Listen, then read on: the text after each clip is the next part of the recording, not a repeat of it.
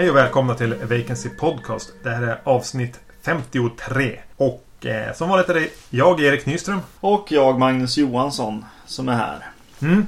Och eh, i förra avsnittet utlovade vi ju att det här skulle bli lite Nils Petter Sundgren-skräck. Ja, vad är det då? Ja, vad är det? jag, jag tror att jag har myntat det uttrycket själv, men nu börjar det ha gått så lång tid sedan eh, jag eventuellt började göra det. Eller hörde det. Att, att jag inte minns längre. Mm. Men det, eh, de här skräckfilmerna som får höga betyg i filmkrönikan väldigt, kan nästan bli tal om att få en Oscarsnominering. Just det. Eh, och är väldigt lågmälda och har en, en högre ambitionsnivå än eh, att bara Mm. skrämmas. Den vill gärna ha ett drama i botten också. Just det. Finskräck. Finskräck är väl ett annat ord, precis. Ehm, och det är det vi ska prata om den här gången.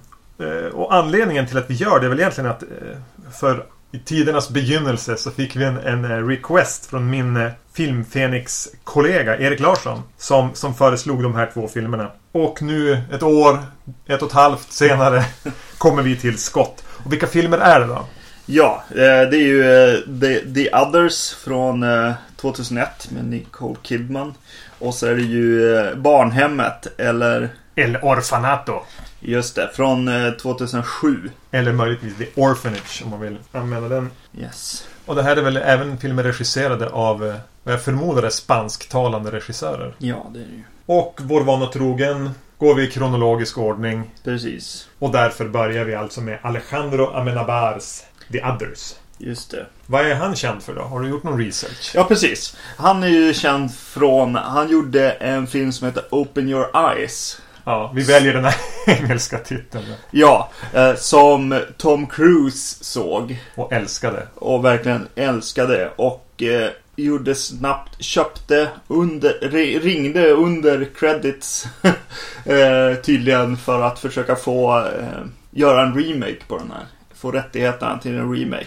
Som han då gjorde med, Det var väl Cameron Crowe som regisserade den? Var det inte? Det var det nog. Jag höll på att säga Russell Crowe. Men Just det.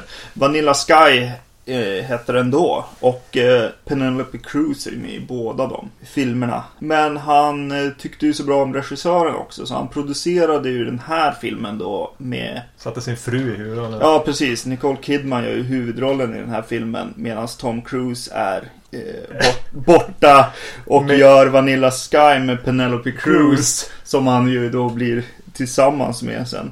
Ja, Det här är ett otrohetsdrama egentligen. Ja, precis. Han stänger in Nicole Kidman i ett, i, ett, i ett hus på en ö i Jersey och så åker han till USA med, med sin eh, spanska skönhet. Mm, precis. Någonting vi ska nämna innan vi börjar prata om de här också är att vi kommer att spoila ganska fritt i, i båda de här filmerna för att vi känner att Det sättet att prata om dem. Ja. Utan att vi ska måste hålla tillbaka och försöka prata runt tvistar och vändningar. Ja, precis. Och även sättet för att det ska bli en intressant diskussion tror jag. Mm. Och ehm, precis, så fundera om ni ha, eh, verkligen vill lyssna på det här avsnittet. Har ni inte sett dem kan det väl kanske vara bättre att se dem först och lyssna sen. Precis. Men jag tänker att det här är filmer som de flesta som i alla fall lyssnar på våran podd har sett. De här har ju ändå gått på bio i Sverige var det så. Ja, precis. Ja, The Others handlar om eh, en eh, kvinna spelad av Nicole Kidman som bor i ett stort ödehus på någon av öarna i kanalen mellan, mellan England och Frankrike. Eh, det här, precis som eh, The Town That Dreaded Sundown i föregående avsnitt, just efter andra världskrigets slut. Mm. Hon bor där med sina två barn. Hennes man eh, drog ut för att slåss i kriget och har inte kommit tillbaka än. Det, barnen lider av en eh, överkänslighet mot ljus så de måste alltid ha gardinerna fördragna. Och till huset dyker det upp tre ny, nya tjänstefolk. just det. Och det börjar hända konstiga saker. Mm. Och det här, ja precis. Och Har jag glömt någonting väsentligt? Ja, precis. Eh, En del i det är väl att eh, det verkar ha hänt någonting för typ någon vecka sedan. Vad jag förstår så, Mm. så försvann tjänstefolket som, som hon hade där och, och lite sådana eh, mystiska saker som börjar kännas Mm. konstigt. Hon börjar ju också känna, barnen börjar ju känna att det finns någon, några andra i huset. Kanske några andra barn som befinner sig där. Tänkte du på att eh, Nicole Kidman, Grace heter hon i den här filmen, vaknar på samma sätt som hjälten i Nightmare on Elm Street 2? just det. Nämligen skrikande. Ja, just det. Precis. Första som, som händer är att vi får se en hy- hysterisk kvinna. Nej, jag vet inte. Ja, Just den här skräckfilms... eh, Eller spökfilmsgenren eller Mm. stora hus-genren är ju... Då ska vi ha en rädd kvinna som Ja, går runt med ett levande ljus i mörka korridorer. Ja, är helst... eh, Ja, precis. Lite hysteriskt så ingen förstår henne. Eh, Men jag tycker den öppnar ganska bra med, med de här, det här eh, små mysterierna som släpps eh, eh, med låsta dörrar och barnens ljusskygghet. Är de vampyrer? Ja, man, man får ju... Eh, Eh, Ja, men det är ganska... Jag, jag gillar det. det, det de har verkligen skapat det för historien. Ja. Att, att ja, men de måste ha fördragna de här tunga tjocka gardinerna så Ja. det blir mörkt där inne. Och för att barnen inte eh, ska göra som barn gör, att bara springa in i ett rum som råkar vara ljust. Ja. Så eh, instruerar ju Grace här tjänstefolket att ja, men går du ut ur ett rum eller lämnar du ett rum måste du låsa dörren bakom dig. Så Mm. att säga. Det ska alltid vara låsta dörrar och eh, bara Mm. hon och tjänstefolket får ha nycklar. Det är ganska konstruerat men jag, håller, jag tycker det funkar. Jag tycker det är kul eh, början också, för de börjar med de låsta dörrarna och sen kommer de till ljusskyggheten. Mm. Eh, Så de förklarar det mysteriet eh, ganska snabbt ändå. Men de, det är ändå en liten stund som man bara, vad tusan är det som pågår här? Hade du sett den här filmen tidigare? Ja, ja, ja absolut. Ja, jag såg den på bio. En, jo, jag, jag såg den också när den gick på bio. Faktiskt, det var nog senast jag såg den. Eh, och jag gillar också den här eh, saken med hus, hushållspersonalen som har försvunnit. Tyckte jag också var lite så här, ja, okej. Vart är de? Många mysterier eh, som, som dyker upp. Och, och just det, och brevbäraren har också slutat eh, komma. Ja, och dimman utanför blir bara tjockare och tjockare. Ja. Eller Den är Mm. väldigt tjock. Det är en riktig ärtsoppa. den. Eh, Så de är ju inte isolerade till det här huset. Det är Mm. lite grann att man... Det är som i, i Beetlejuice. De kan inte gå ut för där... Nej, precis. Nej, precis. Eh, precis. Och eh, det här är ju andra gången. Det här är ju se om filmen recensionen känner jag lite grann. Eller det med det samtalet som vi har egentligen. För att eh, man kommer ju till twisten och eh, att du nämner Beetlejuice är ju en ganska rolig syskon. En ganska rolig syskonfilm. Eh, precis. Eh, för twisten är ju då att eh, de är spökena i ett spökhus. Ja, Eh, fast de vet inte om det själva. Nej, precis. Och de the others, eller the intruders som de säger hela tiden i filmen. Ja, just det. Är ju de nya invånarna, eller nya hyresgästerna, de som har tagit över huset. Men deras världar korrelerar väl inte riktigt utan de går in och ut i varandras världar. Framförallt är det väl barnen som ser varandra. Ja, precis. Så i och, och med det i tanke att man, att man har sett den här tidigare så, så tycker jag att i, i början så upplever jag som att upplever jag det som att det är lite kul att se den här igen. Mm. Och det är kul att så här, ja men just det, de lämnar små liksom, hintar Mm. hela tiden och som du säger intruders och eh, vissa, vissa saker som, eh, som verkligen eh, står ut. För det är ju det roliga med en film som man kan se om och om igen är ju, eh, särskilt en som har en sån stor twist. Mm. Eh, att, man, att man kan eh, gå, gå tillbaks till den är ju som viktigt då. Ja, de, jag tycka. Nu kan man fånga, fånga upp, från början är det verkligen små brödsmulor till ledtrådar. De Mm. pratar lite grann om, hon tvingar dem att läsa Bibeln väldigt mycket. Hon Mm. är ganska religiös den här Grace. Eller hon är väldigt noggrann med att barnen ska kunna sin Bibel. Mm. Och de pratar om de olika limbo, nämner de liksom. Mm. Eh, och det är en grej. Så småningom kommer de in på det här med att med, med, med det döda som lever med de levande. Mm. Det finns ju en, eh, även en väldigt visuell grej som, eh, som jag tyckte var kul och det är ju att när Nicole Kidman står och pratar eh, och tittar på Mr Tuttle som jobbar i trädgården och pratar med husan Mm. här i- huset.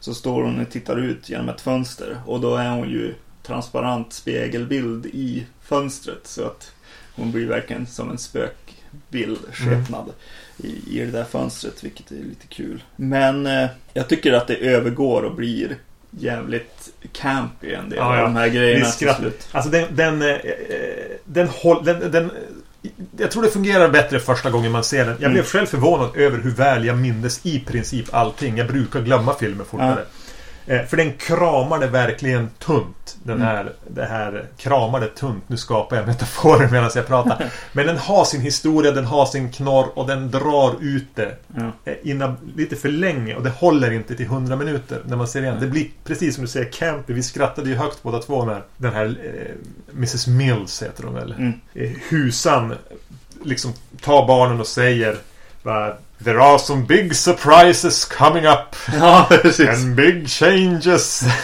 och så fadar den till mörkt. Det var verkligen som Ja, det är innan reklamen. innan liksom. reklamen. Och det, Ja. och det blir verkligen Stay tuned. for more. Precis. Eh, och, och då går det ju inte att ta den på allvar. Nej, och, precis. och sista 40 minuterna när man vet knorren. Mm. Så blir det, ja det blir camp.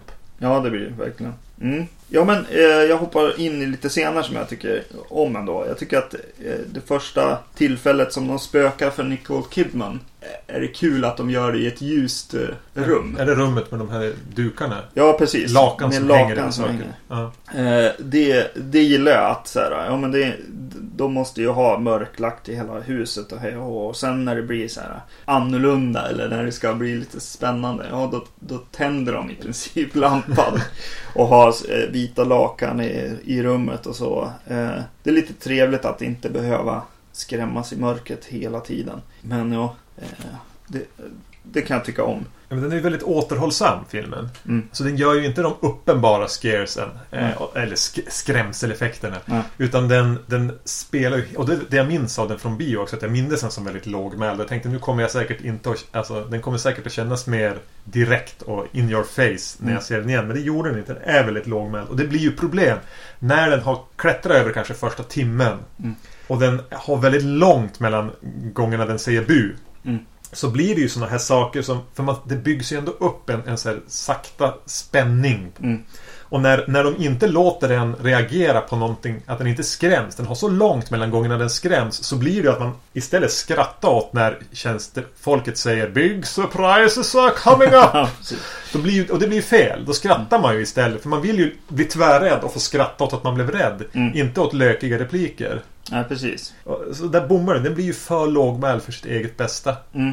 Särskilt när man vet vad som komma skall. Ja, precis. Eh, ja, precis. Egentligen har ju den här filmen egentligen bara en sån där lite, lite så här, hej det ska vara lite creepy Ja. och en klassisk. eh, Så trailerscenen. Ja, precis. trailern. Eh, och jag tycker att den sätts upp väldigt bra. Det, det är ju dottern som får någon slags, eh, hon ska, vad heter det, konfirmera sig. Mm, och då får man tydligen Och då får man en, en vit klänning med en stor slöja så att man eh, ja, men ser ut som ett spöke helt Ja. enkelt. Eh, och eh, jag tycker det är roligt att de, att de eh, har skrivit in repliker med, heter det, med barnen. Att barnen ser spöken som om de är vita. De ska vara, ha ett vitt lakan över sig. Mm. Eh, Det är spöken. När de, när de ser andra eh, riktiga spöken, om man ska säga, i filmen så, så tror de först inte på det för att det ska ju vara lakan spöken. Eh, men då, har den, då kommer den här scenen och då är, det ju faktiskt ett lakanspöke och det är enda gången liksom som vi riktigt får, får en känsla av att oh, det spökar det här på riktigt. Eller Ja. ser ett, vad, ja, vad som uppfattas som ett spöke.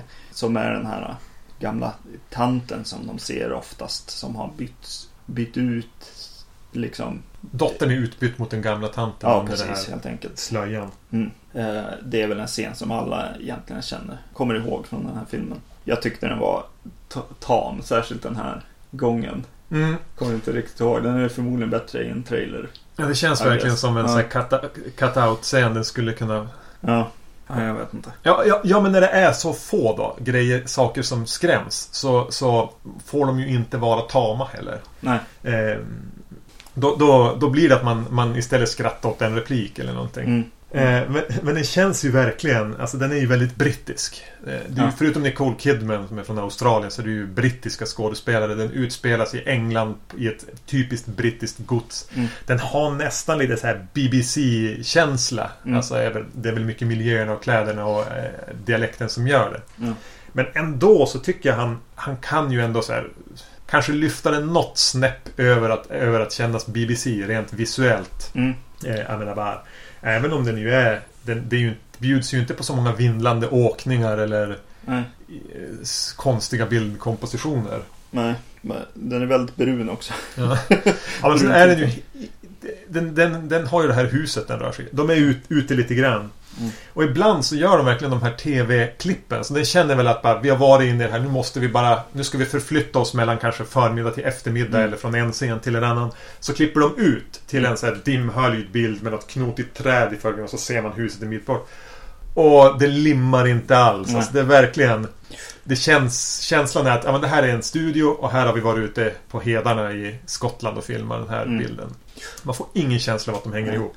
Eh, Det jag tycker är nästan snyggast eh, bild i filmen tycker jag är, ja jag vet inte. Mario Bava har ju lärt oss att eh, spöken vid fönster är ju otroligt effektivt. Ja. Så jag gillar faktiskt när de här eh, nya tjänstefolket står utanför eh, dörren och vill komma in egentligen. Då har väl eh, huvudpersonerna här kommit på att de Mm.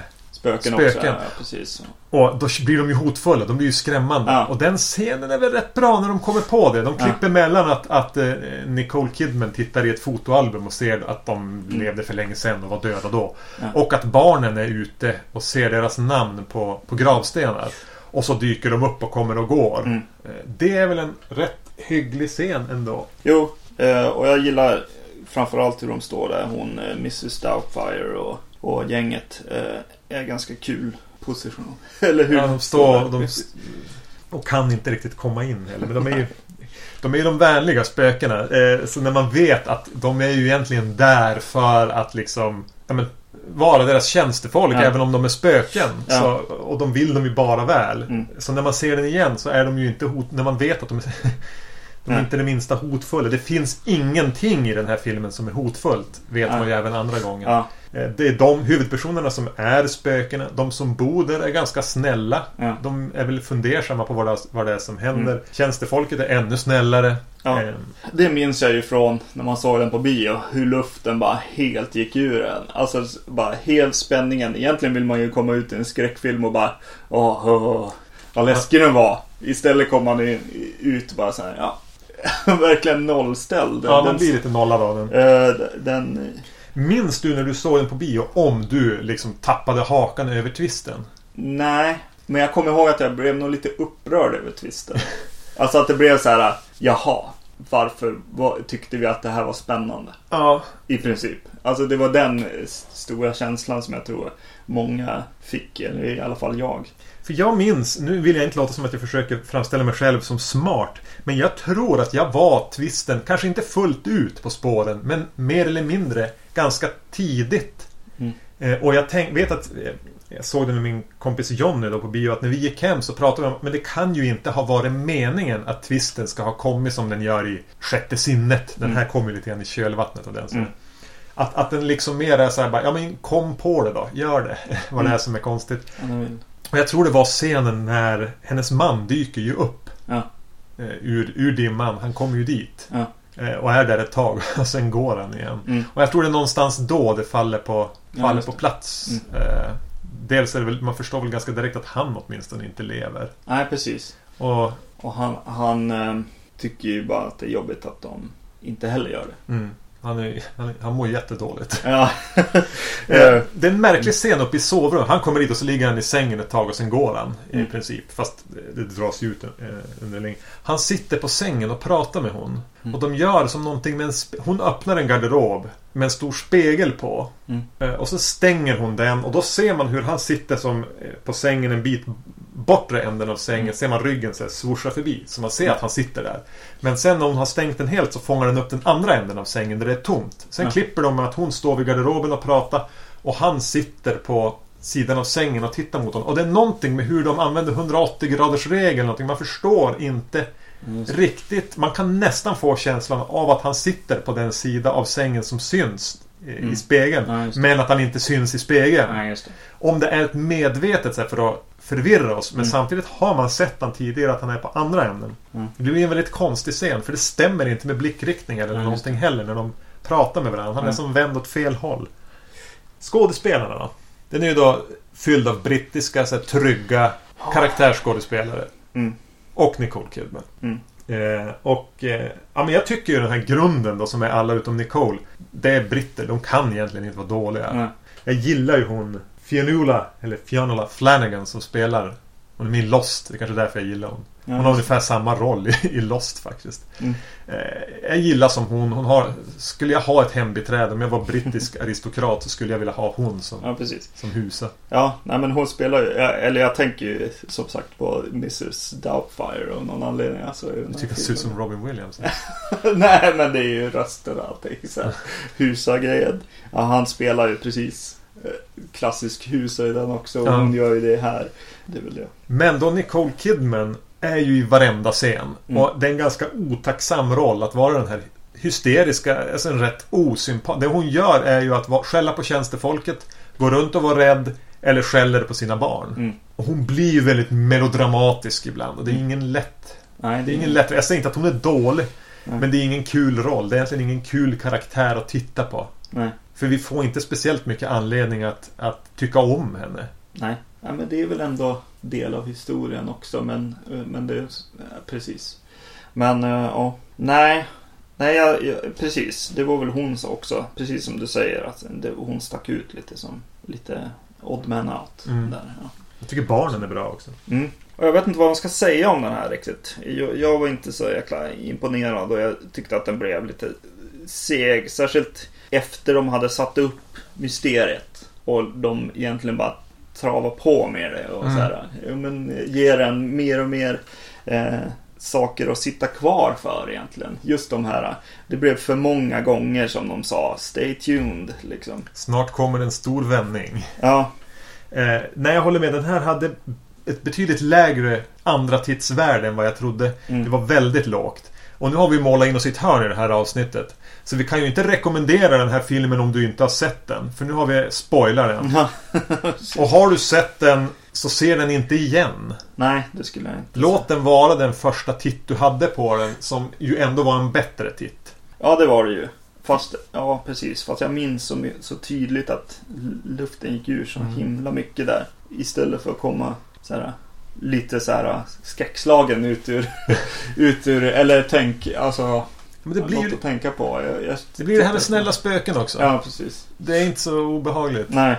Eh, någon an... Alltså jag minns inte riktigt vad jag tyckte om den så när jag hade sett den. Men av någon anledning har jag ju köpt DVDn. Jag hade den ju i hyllan så jag kunde ju plocka ut den nu när vi skulle se den. Och jag köpte den ju när den var ny, kanske 2002. Jag har inte sett den sedan dess. Den har ju stått 10 år och samlat damm. Så precis. Mm. Låt The Others vara den första titt det var. Precis. Och har ni nu inte sett den och ändå valde att lyssna på det här så kan ni kanske hoppa den. Men eh, Nils, Nils Petter Sundgren själv eh, eh, står med på omslaget här och eh, har gett den en femma. Ja. Ruskigt skicklig spökthriller står det. Eh, Filmkrönikan har också gett en fem, eh, står det här. Och det är, de har en liten rolig grej som jag faktiskt tänkte på i filmen. Eh, De har skrivit det mest skrämmande sedan The Shining, har de sagt. Oj. Eh, och jag tänkte på The Shining bara en, vid ett tillfälle i den här filmen. Och det är eh, när husan säger Det har alltid varit så här. Säger hon vid något tillfälle, vilket är en, en, en replik från The Shining i princip. Eh, så, så de hakade väl upp sig där helt enkelt. På det. Annars är ju inspirationerna eh, The Innocents till Ja. exempel är väldigt tydlig. Särskilt på omslaget med de här eh, i- ljusen eh, som hon går omkring med hela tiden. Nämnas bör att vi hade ganska roligt åt när de inte kunde sluta prata om The Curtains. Nej, vi just började det. tänka på Monty Python. Quest for the Holy Grail. Ja. Det är ju så många brittiska skådisar i också så jag tänker bara att de har suttit bara What the curtains? Om och om igen. När de har spelat in den scenen. De frågar om och om igen. Vart är gardinerna? Va? Är gardinerna borta?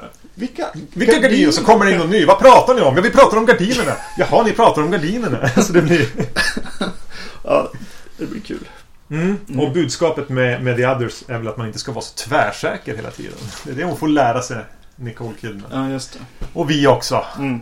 som inte visste vad som skulle hända. Mm. Eh, sista poäng. Jag gillar eh, repliken som eh, mannen säger när han kommer hem. När han träffar honom ute i dimman och så säger han bara Sometimes I bleed. Ja, Och den har fastnat för den har jag haft i huvudet sen jag Ja. såg den. Och den är väldigt... Ja, den är Lösryckt. väldigt bra och lösryckt. Och hon, hennes reaktion till den är också väldigt eh, haunting. Mm. Eh, mm. Precis, ska vi gå vidare till Barnhemmet? Barnhemmet. Från 2007. I regi av eh, Juan Antonio Bayona. Och eh, ja, Barnhemmet, The Orphanage eller El Orfanato. Mm. Han gjorde ju efter den här då, vad heter det? The Impossible Mm. Tsunami-filmen. Den kom väl 2012 tror jag. Ja. Och den har ju blivit väldigt... Har du sett den? Eh, nej, bara valda delar. valda delar. nej, jag har bara sett lite delar medan folk har sett den. Jag har gått omkring i min lägenhet medan den har gått. Så nej, nej jag har inte sett den.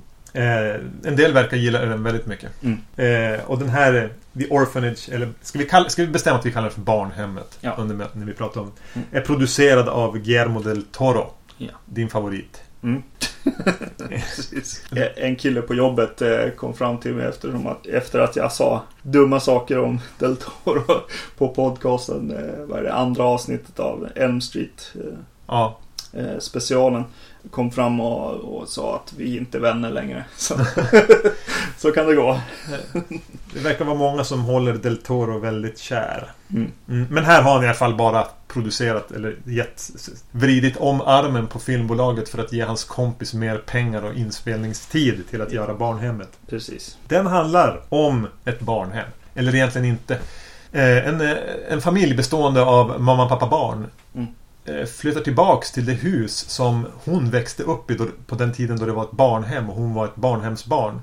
Nu har de en idé om att de ska göra det här om det här till ett, liksom ett, ett hem för barn med speciella behov. Mm. De kan vara utvecklingsstörda eller ha något handikapp. Mm. Eh, deras son har, eh, är adopterad, om jag inte sa det. Han är också adopterad och Mm. han lider, han har HIV. Mm. Det börjar hända, han pratar om sina låtsaskompisar som han verkar vara lite, leka lite väl mycket med. Mm. Och eh, sen försvinner han helt plötsligt. Ja. Spårlöst försvunnen. Och mamman är övertygad om att det är hans låtsaskompisar som har tagit honom. Precis. De bråkar där en liten om någonting. Eh, mamman och han. Och eh, sen försvinner han. Mm. Eh, och sen handlar filmen om hur de vill hitta tillbaks till den här. Eh, ja, finna sin son helt enkelt. Ja. Igen. Eh, just det, de bråkar ju om att han har just insett att, eller hans kompisar, eller låtsaskompisar har ju berättat för honom att han är adopterad. Mm. Och eh, även sjuk tror jag. Mm. Att han ju- just har fått reda på egentligen. För de har egentligen inte sagt det och, och ger han bara liksom medicin. Tack för dina vitaminer. Ja. Så det är ju det som har, bråket då när han försvinner. Just det. Eh, Och den här filmen börjar med eh, en bild eh, som visar sig vara från förr. När barn leker en, någon slags knack, Jag vet, jag vet att man lekte det där själv. Fast Ja. man knackade inte och räknade med en Nej, precis. Man, man står mot, mot en vägg eller ett träd. Ja, precis. Knacka i trädet, 1, 2, 3. Nu vänder jag mig om i Ja. princip. Och så tittar man och så ska de som är bakom en ska komma närmare och närmare en. Och om man rör sig, Så att man ser det. ja precis. Om den som räknar eh, ser en röra sig så du, åker man ut helt enkelt. Som jag sa, väldigt lätt le- lek att fuska i. Ja, Jag såg det i rörelse. ja precis. Jag tänker ju direkt, jag hade inte sett den här. Jag tror att du har. Jag har sett den en gång tidigare. Ehm, och eh, jag tänkte direkt, det, det, det åker runt i dun, eh, alltså typ fjädrar i luften i den här. Så jag bara, ja men vad är det här? Är det en, är det en drömsekvens det här? För det brukar det ju inte göra, åka runt dun i, i luften sådär. Ehm, så den sätter ju en li, lite konstig, underlig eh, ton där. Mm, och det är scenen före förtexten också. Mm, just det. Och sen kommer ju världens töntigaste förtext. Jag skrev, jag hade tänkt fråga dig, gillar du förtexten? Det känns som att det här Del Toro har klampat in. Ja, precis. Gör något häftigt med coola tapeter och barnhänder som river bort dem. Ja. Hej då! Och så Ja, precis. Och så, ja precis, kommer en tapet och så kommer det in en, en, en söt liten barnhand och river, river bort det och så står det just eh, presenteras av Guillermo del Toro. Eh, ja, det var ju, Det var ju fruktansvärt. ja Alltså, det var alldeles för tokroligt. Det kändes som att man, eh, att vi skulle se typ Scary Movie 43 eller vad, vad de är uppe i nu. Väldigt underligt. Men- Eller mer såhär Kalle och chokladfabriken hade kunnat ha sådana där Mm. förtexter. Alltså Just det. Tim Burtons Mm. vedervärdiga film.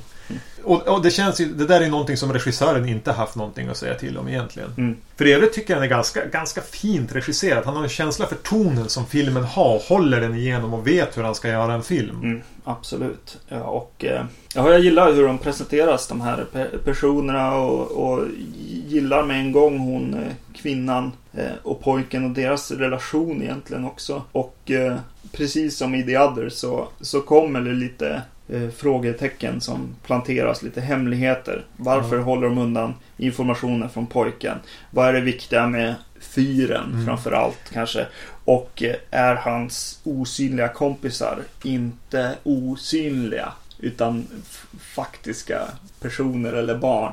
Eh, eftersom att de, det är en scen i en grotta som de går in i och eh, hon går och, och, och han pratar liksom runt ett hörn till någon, någon pojke eller, eller så, en av de här osynliga kompisarna och till, eh, till slut när hon har bara, nej men nu går vi så här, så går hon dit och lyser med ficklampan och då finns det några steg liksom eh, i sanden där.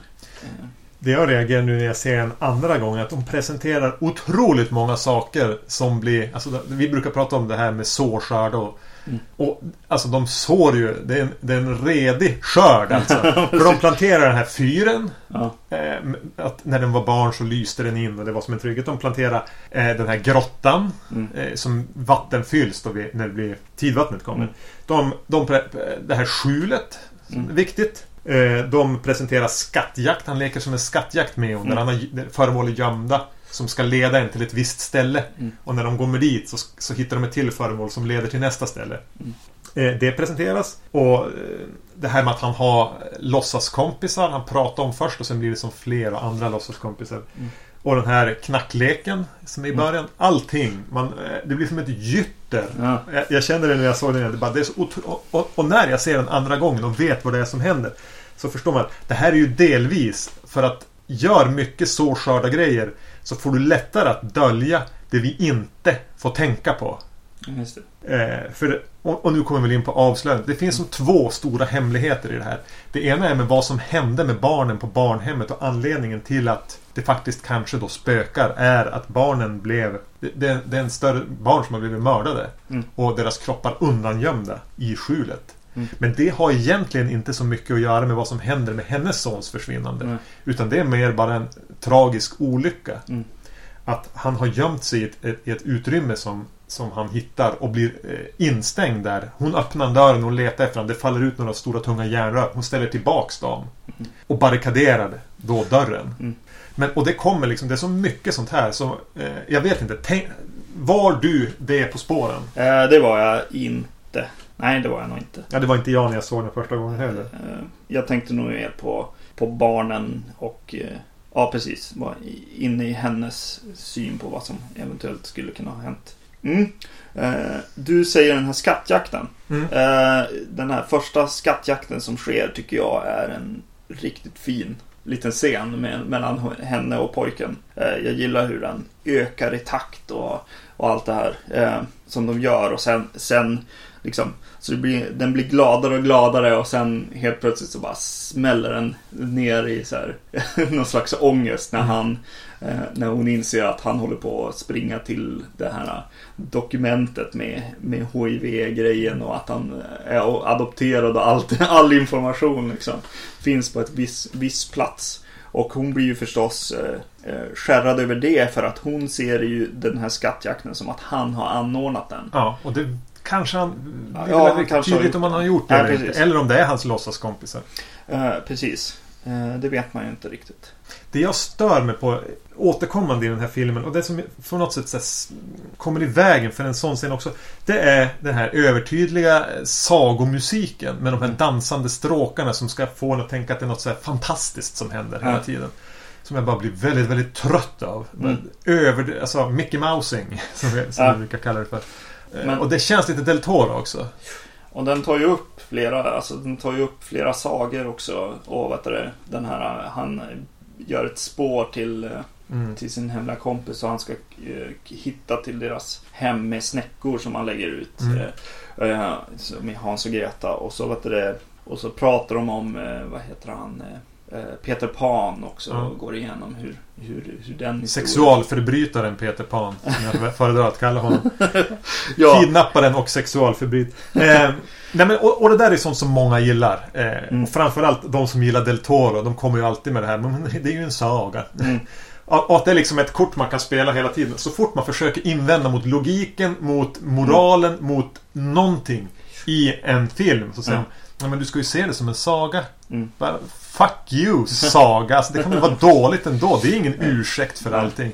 Och okej, här är det ingenting jag stör mig på. Mm. Men det är någonting jag blir bara så less bara Sluta hålla på och blanda in barnsagor i skräckfilmer för att det ska bli liksom ja. Få den här oh, vuxna sagan-känslan. Oh, Hans och Greta. Jag tycker bara det är tröttsamt. Ja. Eller, eller så är det bara ingen som har lyckats göra det bra än så länge. Men det är egentligen ett sidospår. Jag tycker inte att Barnhemmet är en saga. Alltså det, det är inte det. Det stör mig inte i den Mm. här. Det som stör mig är musiken. Som väl då är lite sagomusik. Ja, precis. Ehm, mm. För att återgå till liksom körschemat av den här filmen. Så har de ju, ska de ju öppna det här barnhemmet och har en slags eh, lära känna varandra aktivitet. eh, Som ju då är en maskerad. Och det är ju en jättedålig Mm. eh, det, aktivitet för att lära känna varandra. Jag skulle ha kört med så här namnbrickor eller någonting. Ja, lite så mer än att bara gömma sig bakom masker. Och sen också, i, under den här maskeraden presenteras ett, eh, den här som är på omslaget, den det här maskerade barnet som har en säck över huvudet som ska se lite läskig ut. Och, eh, Trailerbarnet liksom. Ja, Det här som precis. är i trailern. och det är ju inte bra att presentera en, ett, mas, eh, ett maskerat barn på en maskerad. För det blir ju inte läskigt då för mig. Utan det blir ju bara ett till av barnen som som är på maskeraden. Ja, masker på barn blir ju alltid läskigt. Ja, ja Så då blir jo, det här bara en i mängden. Jo, precis. Eh, Så jag, jag köper inte alls. Utan, och sen när han dyker upp i den här korridoren och hon är i badrummet och, och blir vad heter det, eh, attackerad. av. attackerad av det här barnet. Så blir jag aldrig rädd för, för barnet och barnets eh, beteende eller utseende. För att jag ser det ju bara som ett av barnen från maskeraden. Ja. Men känner inte du att hela den här Hela det där med det maskerade barnet och hur det uppträder och hur det ska vara läskigt Det är också en, Det är Del Toro igen Han kom in och sa Så här ska ni göra med förtexterna Mm. Och så kommer han och så ska ni ha ett läskigt barn som ska Jag har gjort en skiss här Mm. Kör Ja, just det. Ja, så kan det ju vara. För att eh, de, de går igenom också och visar efter att de har kommit igång och börjar förklara vilka de här personerna är och de förklarar det här läskiga barnet eh, eh, del i barnhemmets historia. Så mm. Eh, att det var någon vanskap till barn som hade den här masken på sig och sånt. Så, eh, och efter att de har berättat allt det här så har de en till liten scen när hon tittar på en video, eller video, eh, en, en film. D- Där, de, eh, där han sitter och skriver och har masken av Mm. tagen och eh, de visar hans Men lite ansikte. vanställd sådär Och den lilla, lilla insert-scenen spelar ju fan ingen roll. Och inte ens där. Utan så här, han är vanskapt, han har säck över huvudet. Okej, jag behöver ingen mer information än det. än att så här, jo han är vanskapt. Och så här ser han ut under masken. Eh, bara så att ni vet. Det som har hänt på barnhemmet är ju då att barnen De andra barnen eh, han, han var barn till en av föreståndarinnorna. Mm. Och var vanställd och hade den här säcken för att han skämde, eller hon kanske skämdes över hans utseende. Men han var väl ganska så här, alltså han lekte med de andra barnen. Mm. Men han ville inte ta av sig säcken. Och någon gång började de andra barnen reta han. Och tog av han, de var inne i grottan på stranden och lekte. Och tog av han, tog av han säcken där och Mm. sprang de ut och skulle se om han vågade komma ut utan sin mask. Ja. Och det gjorde han inte. Och den, den svämmade över och han drunknade. Mm. Och det var väl då det som fick den här föreståndarinnan att hämnas på barnen genom att förgifta dem och, Mm. och eh, gömma deras, elda upp deras kroppar och gömma dem i en, en ugn ute i skjulet. Mm. Eh, två saker med det. Är det en referens till fredag den 13? Ja, just det. ja, med det här säck, säckbarnet. Ja, det är en säck på huvudet. Just Det är en mamma som hämnas på några som har fått hennes son att drunkna. Ja, Kan inte vara en slump. nej. Två. Eh, och nu kanske det var bara var min koncentration som sviktade. Var det ingen som saknade fem sex barn som försvann på ett barnhem. Mm. Vad har hänt där? De bara skiter i att berätta. Ja. Eller gör de inte det? Jo, det gör de ju. Och Hon jag... kommer undan med att döda fem, sex barn. Mm. Och gömmer, eldar upp dem, gömmer dem. Ingen verkar liksom... Det är ingenting de pratar om. Nej. Den stora grejen med att öppna det här barnhemmet igen borde ju vara Ja, de här fem, sex barnen som försvann här. Ja, precis. Och Eh. ingen misstänkte att det var mamman till den där som de dödade. Alltså Nej. det, det är en stor, ett stort vakuum till hål här som Mm. de bara tänker inte på det. Det är ju Eh, en saga. är, det därför, är det därför mamman återvänder? För att hon känner att hon måste lösa... De har ju flyttat tillbaks dit, tänker Ja. jag. Eller mamman återvänder. Ja, Ja, hon, precis. ja, hon återvänder dit för att För hon hon var ju känner- ett av barnen där också. Ja, och hon säger att hon, ja precis, känner att hon behövde återvända. I Mm. princip är hennes förklaring till det. Så det är väl kanske det, att hon har den här historien i bakhuvudet någonstans. Som hon måste dra fram, jag vet inte. Ja, vad händer sen då? Jo, sen så kommer ett medium dit. Mm. Spelad av Geraldine Chaplin. Alltså Charlie Chaplins dotter. Det tyckte jag var lite kul. Ja, och där ska de ju då, ja precis. D- där är typ när nutiden dyker upp. Ja, men nu kommer den här obligatoriska... Alltså nu, nu har jag sett det här för mycket på sistone. Ja. Jag har varit och sett eh, The Conjuring på bio. Jag har sett Insidious 2 på bio. Jag såg med några kompisar här om veckan Mm. Poltergeist. Mm. Jag är less på när de kommer med sina gizmos, riggar upp dem och tar dit en gammal tant som får eh, mediumera. Ja, precis. Och jag blev jag, jag satt och så här, "Va- var det här läskigt eller? Jo, jo, kanske lite, lite, lite. Men jag satt med mest och irriterade mig på att de var tvungna att ha de här mörkerkamerorna där. Bara, ja men tänd lampan istället. Så kan ni ha helt vanliga kameror och gå omkring eh, för att Vadå? Spöken kommer bara ut i mörkret? Eller vad? Alltså vad fan? Ja, ja, Det är en nej. saga. ja just det, det är bara en saga. Just det. Och, och eh, där satt vi som och skrattade lite grann åt varandra. För när, bara, nu ska vi starta seansen. Här, nu har vi gjort i ordning. Då ringer det på dörren. Mm. Och då kommer den här polispsykologen dit. Bara, Hej, eh, jag tänkte få vara med. Ja. Och så står hon, står hon som bara hänger över axlarna på dem och tittar på när de gör seansen. Och, till, och sen bara, säger de bara Vad gör du här? Du är inte inbjuden. Gå! Ja. För att hon kommer med så rationella förklaringar. Ja. Och som jag även sa, en polispsykolog är väl den som pratar med poliser som har typ skjutit någon i tjänsten. De är väl inte och utreder försvinnanden. Ja. Det kan vara någon miss i översättningen. Ja, eh, precis. Min spanska är inte vad den borde vara. Ja, eh, och eh, ja men precis. Sen, sen kommer det här skattjaktgrejen igen. Hon, hon, när hon, hon verkligen börjar gå och bli helt psykotisk och det går ju månader och alltså Mm. väldigt lång tid.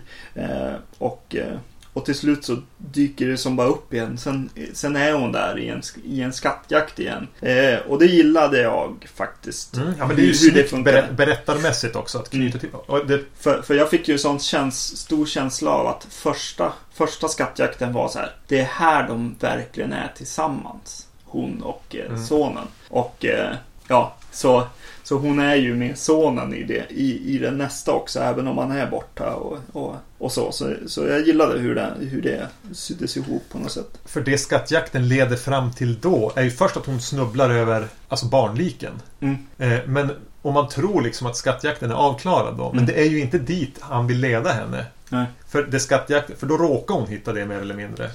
Eh, det den egentligen leder till tas ju upp lite senare. Det är Mm. att hon har fått han dörrhandtaget till dörren där han har gått ner i en, som Mm. en Och den- bortglömd källare. Och den, den dörren hittar hon liksom inte. Hon går och tittar efter Ja, hon letar efter någon som ska ha Och där, här finns det ju en chans att göra film. Om man bara strukturerar om den så kan den bli oerhört mörk. Mm. I dels att hon hela tiden, under, alltså innan han... För det som händer är att sonen stänger in sig och dör där nere Mm. i, i, i det här hemliga. Att hon har haft dörrhandtaget Mm. men inte förstått vart det gick. Precis. Eh, Medan han levde. Mm. Eventuellt att hon, hon går på fel spår och tror att det ledde till de här barnkropparna och nöjer sig där. Ja. Och trodde det var dit skattjakten är medan hon missförstod så att hon ska få den, den skulden också. Att, Mm. ja, men han ledde min skattjakt, eller hans låtsaskompis kanske det var, ledde min skattjakt för att hitta han så han skulle kunna överleva. Men jag förstod, fattade fel. Mm. Eh, För det är ju egentligen väldigt mörkt att han har varit eh, under en period instängd. De, de gör ju ett val där också. Mm. De hade kunnat låta pojken bli instängd där nere och svälta ihjäl i källaren. Mm. Men det som har hänt nu är att han har varit instängd kanske en, några timmar. Sen Mm. har han fallit i trappen trappräcket har gått sönder och han har förmodligen Mm. slagit ihjäl sig. Mm. Eh, där hade det alltså två, att- att- den hade kunnat vara väldigt mörk i det att han hade svultit ihjäl. Den hade kunnat vara ännu mörkare i det att, eh, att, eh, att hon hade kunnat rädda han. Mm. Eller de hade kunnat rädda han. Mm. Men, men det, är inte, det, det är bara ett förslag. Jag säger inte att de skulle ha gjort så. Det var bara en tanke som slog mig. Ja. Och en tredje sak. Ja. Jag vill, jag vill eh, innan jag ska släppa in dig i det här sam, samtalet igen. Eh, är anledning, vad är anledningen till att deras son har HIV? Och egentligen kanske aldrig kommer att bli vuxen? Ja. Är det för att linda in den här otroliga tragedin med att han dör lite grann? Ja, det. Det gör ju inte så mycket. Han skulle ju ändå aldrig ha blivit vuxen. Nej, just det blir lite mindre mörkt då. Ja. På något skruvat sätt. Mm. Ja, kanske. Mm. Vill du prata om den här filmen också? Ja, eh, en sak som jag fick, eh, hade problem med, och, bara för att det återkommer så himla ofta, och det är den här eh, rationella mannen som inte förstår den hysteriska kvinnan. Lars von Trier-mannen, här, Kiefer Sutherland i Ja, Melancholia. ja eh, det är en tråkig konvention att liksom att de här kvinnorna aldrig blir trodda och... Ja. Och det är bara de som, har, som får en koppling till ett barn. Ja, precis. Ja. Modern. Ja, Eh, jag tänkte det. Hade det varit... Jag skrev ner det också så här.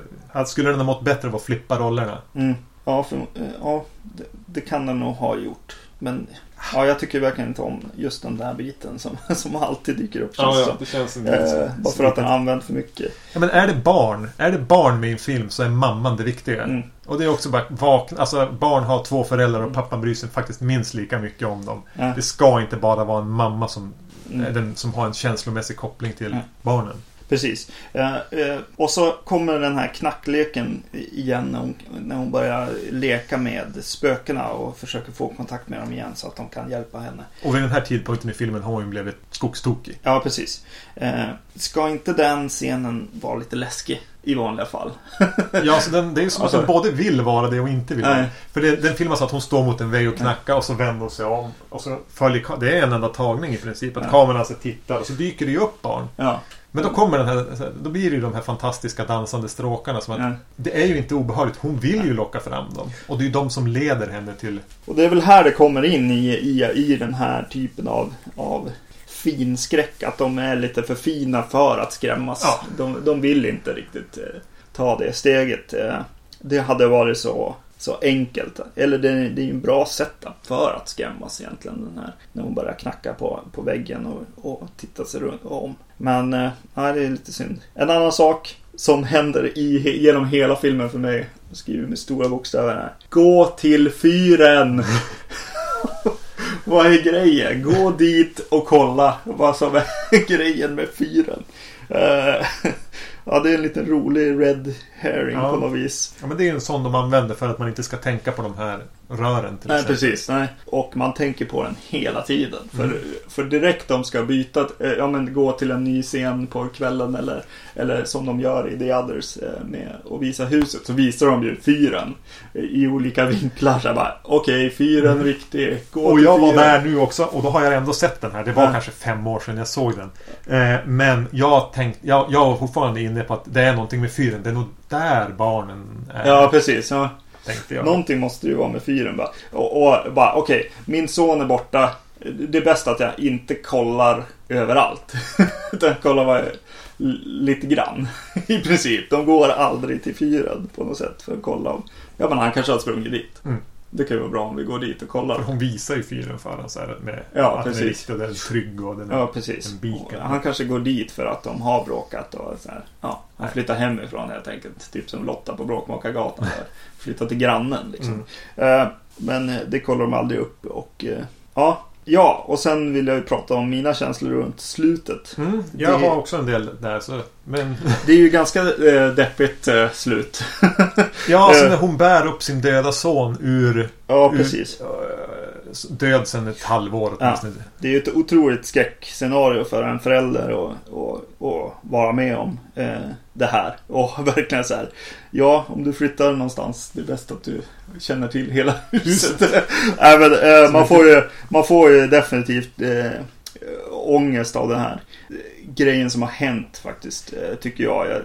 Jag tycker det är ändå starkt. Men- Hade inte du velat stanna i den känslan? Ja, eh, och sen så, ja precis. Och sen så är det alldeles för enkelt att komma igenom det här och Mm. komma, komma vidare. För mig så, så, så känner jag starkt att den här filmen förespråkar att man ska ta livet av sig om det känns hopplöst. Ja, Liksom. och det är det hon gör i slutet. Hon tar en massa piller och, och Ja. dör. Och, och, eller, ja, och sen får hon vara med barnen där. Hon leker med barnen och sin son Ja. lever. Och det, det, alltså det blir ett, det blir ett så här ljust slut. Alltså, jag hade, den här filmen hade fått så otroligt större kraft. Mm. Om man hade fått stanna i känslan man har när hon bär upp barnet Ja, där precis. och han är typ nästan mumifierad. Och Ja. bara, hon hade, hon, han levde, ni hade kunnat rädda honom Mm.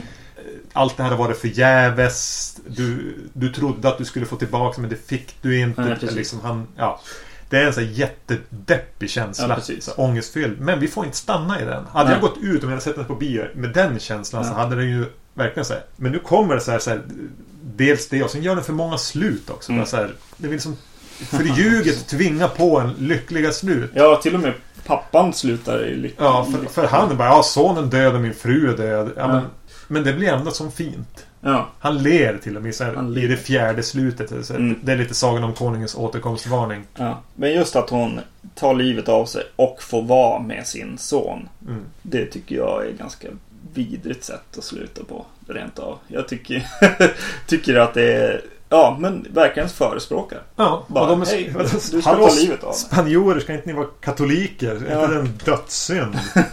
Ska ni bestraffas för det? Ska vi, sitter vi och moraliserar här och förespråkar lite katolsk precis. Ja, det, jag vet inte. synd? Ja, precis. Mm, nej, men jag håller med. Den har, den, det, det, jag hade velat stanna i det mörka slutet. Mm. Ja, precis. Ja, och för mig blir det nästan ja, jobbigare. Eller det blir ju osanning på något sätt. I alla fall för mig. Mm. I, i min, min tro på livet efter döden och så vidare. Men, eh, ja, nej. Eller min otro. En otro mot ett liv efter det. ja, precis. Eh, så ja. Men för att knyta ihop säcken runt barnhemmet och knyta ihop jutesäcken runt, runt ansiktet på, på Thomas. Ja. Så ja, men den fungerar som film. Eh, Den har ganska mycket bra med sig. Med, det är en rätt så här, snyggt berättad historia. Han kan regissera den. Den känns inte, om man jämför med The Other, så känns den ju inte som ett BBC-drama. Utan Det här är ju en stor eh, böljande film. Mm. Med problem. Ja. Men eh, definitivt, jag skulle definitivt eh, rekommendera Barnhemmet över eh, The Others och eh, Och barnhemmet har ett, ett andra tidsvärde. Ja, precis. Eh, eller ja, det vet ju du mer om. Men eh, ja, och så gillade jag språket också. Eller hur de pratar. Ja, det var... Ja, men ett vackert Härligt, språk. ja. Så jo, den hade jag mysigare med.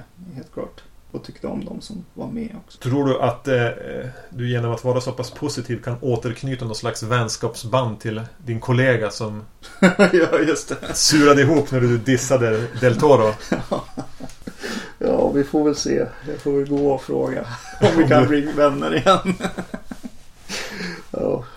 För att jag har skylt allt som är dåligt i filmen på, på Del Toro. ja, precis. Nej, men eh, jag tycker det är tråkigt att man inte skräms också. I, om, vi, om vi tar det som, som genre. Nils Petter Sundgren-skräcken. Ja, eller som fin- in, finskräcken som är för fin för att skrämmas. Ja, precis. Jag, det är ju lite tråkigt så här. Det, det måste ju finnas en, då i så fall då ett lite bättre drama i det. Eh, eller vad man ska säga. Ja, men där har ju barnhemmet trumfen över The Others i alla Ja, fall. ja, det har det. Den har ett drama som är okej. Ja, precis. Medan The Others har bara sin twist liksom. Eller, och som inte är så här känslomässigt förankrad Nej. egentligen. Det blir verkligen det bästa exemplet på det här är ju när, när eh, åt, mexikanska regissören som jag tappar namnet på nu gjorde remaken på Dark Water. Mm. Och verkligen va, det här är en, en mor-dotter-relation. Mm. Jag har inte tänkt skrämmas en enda gång.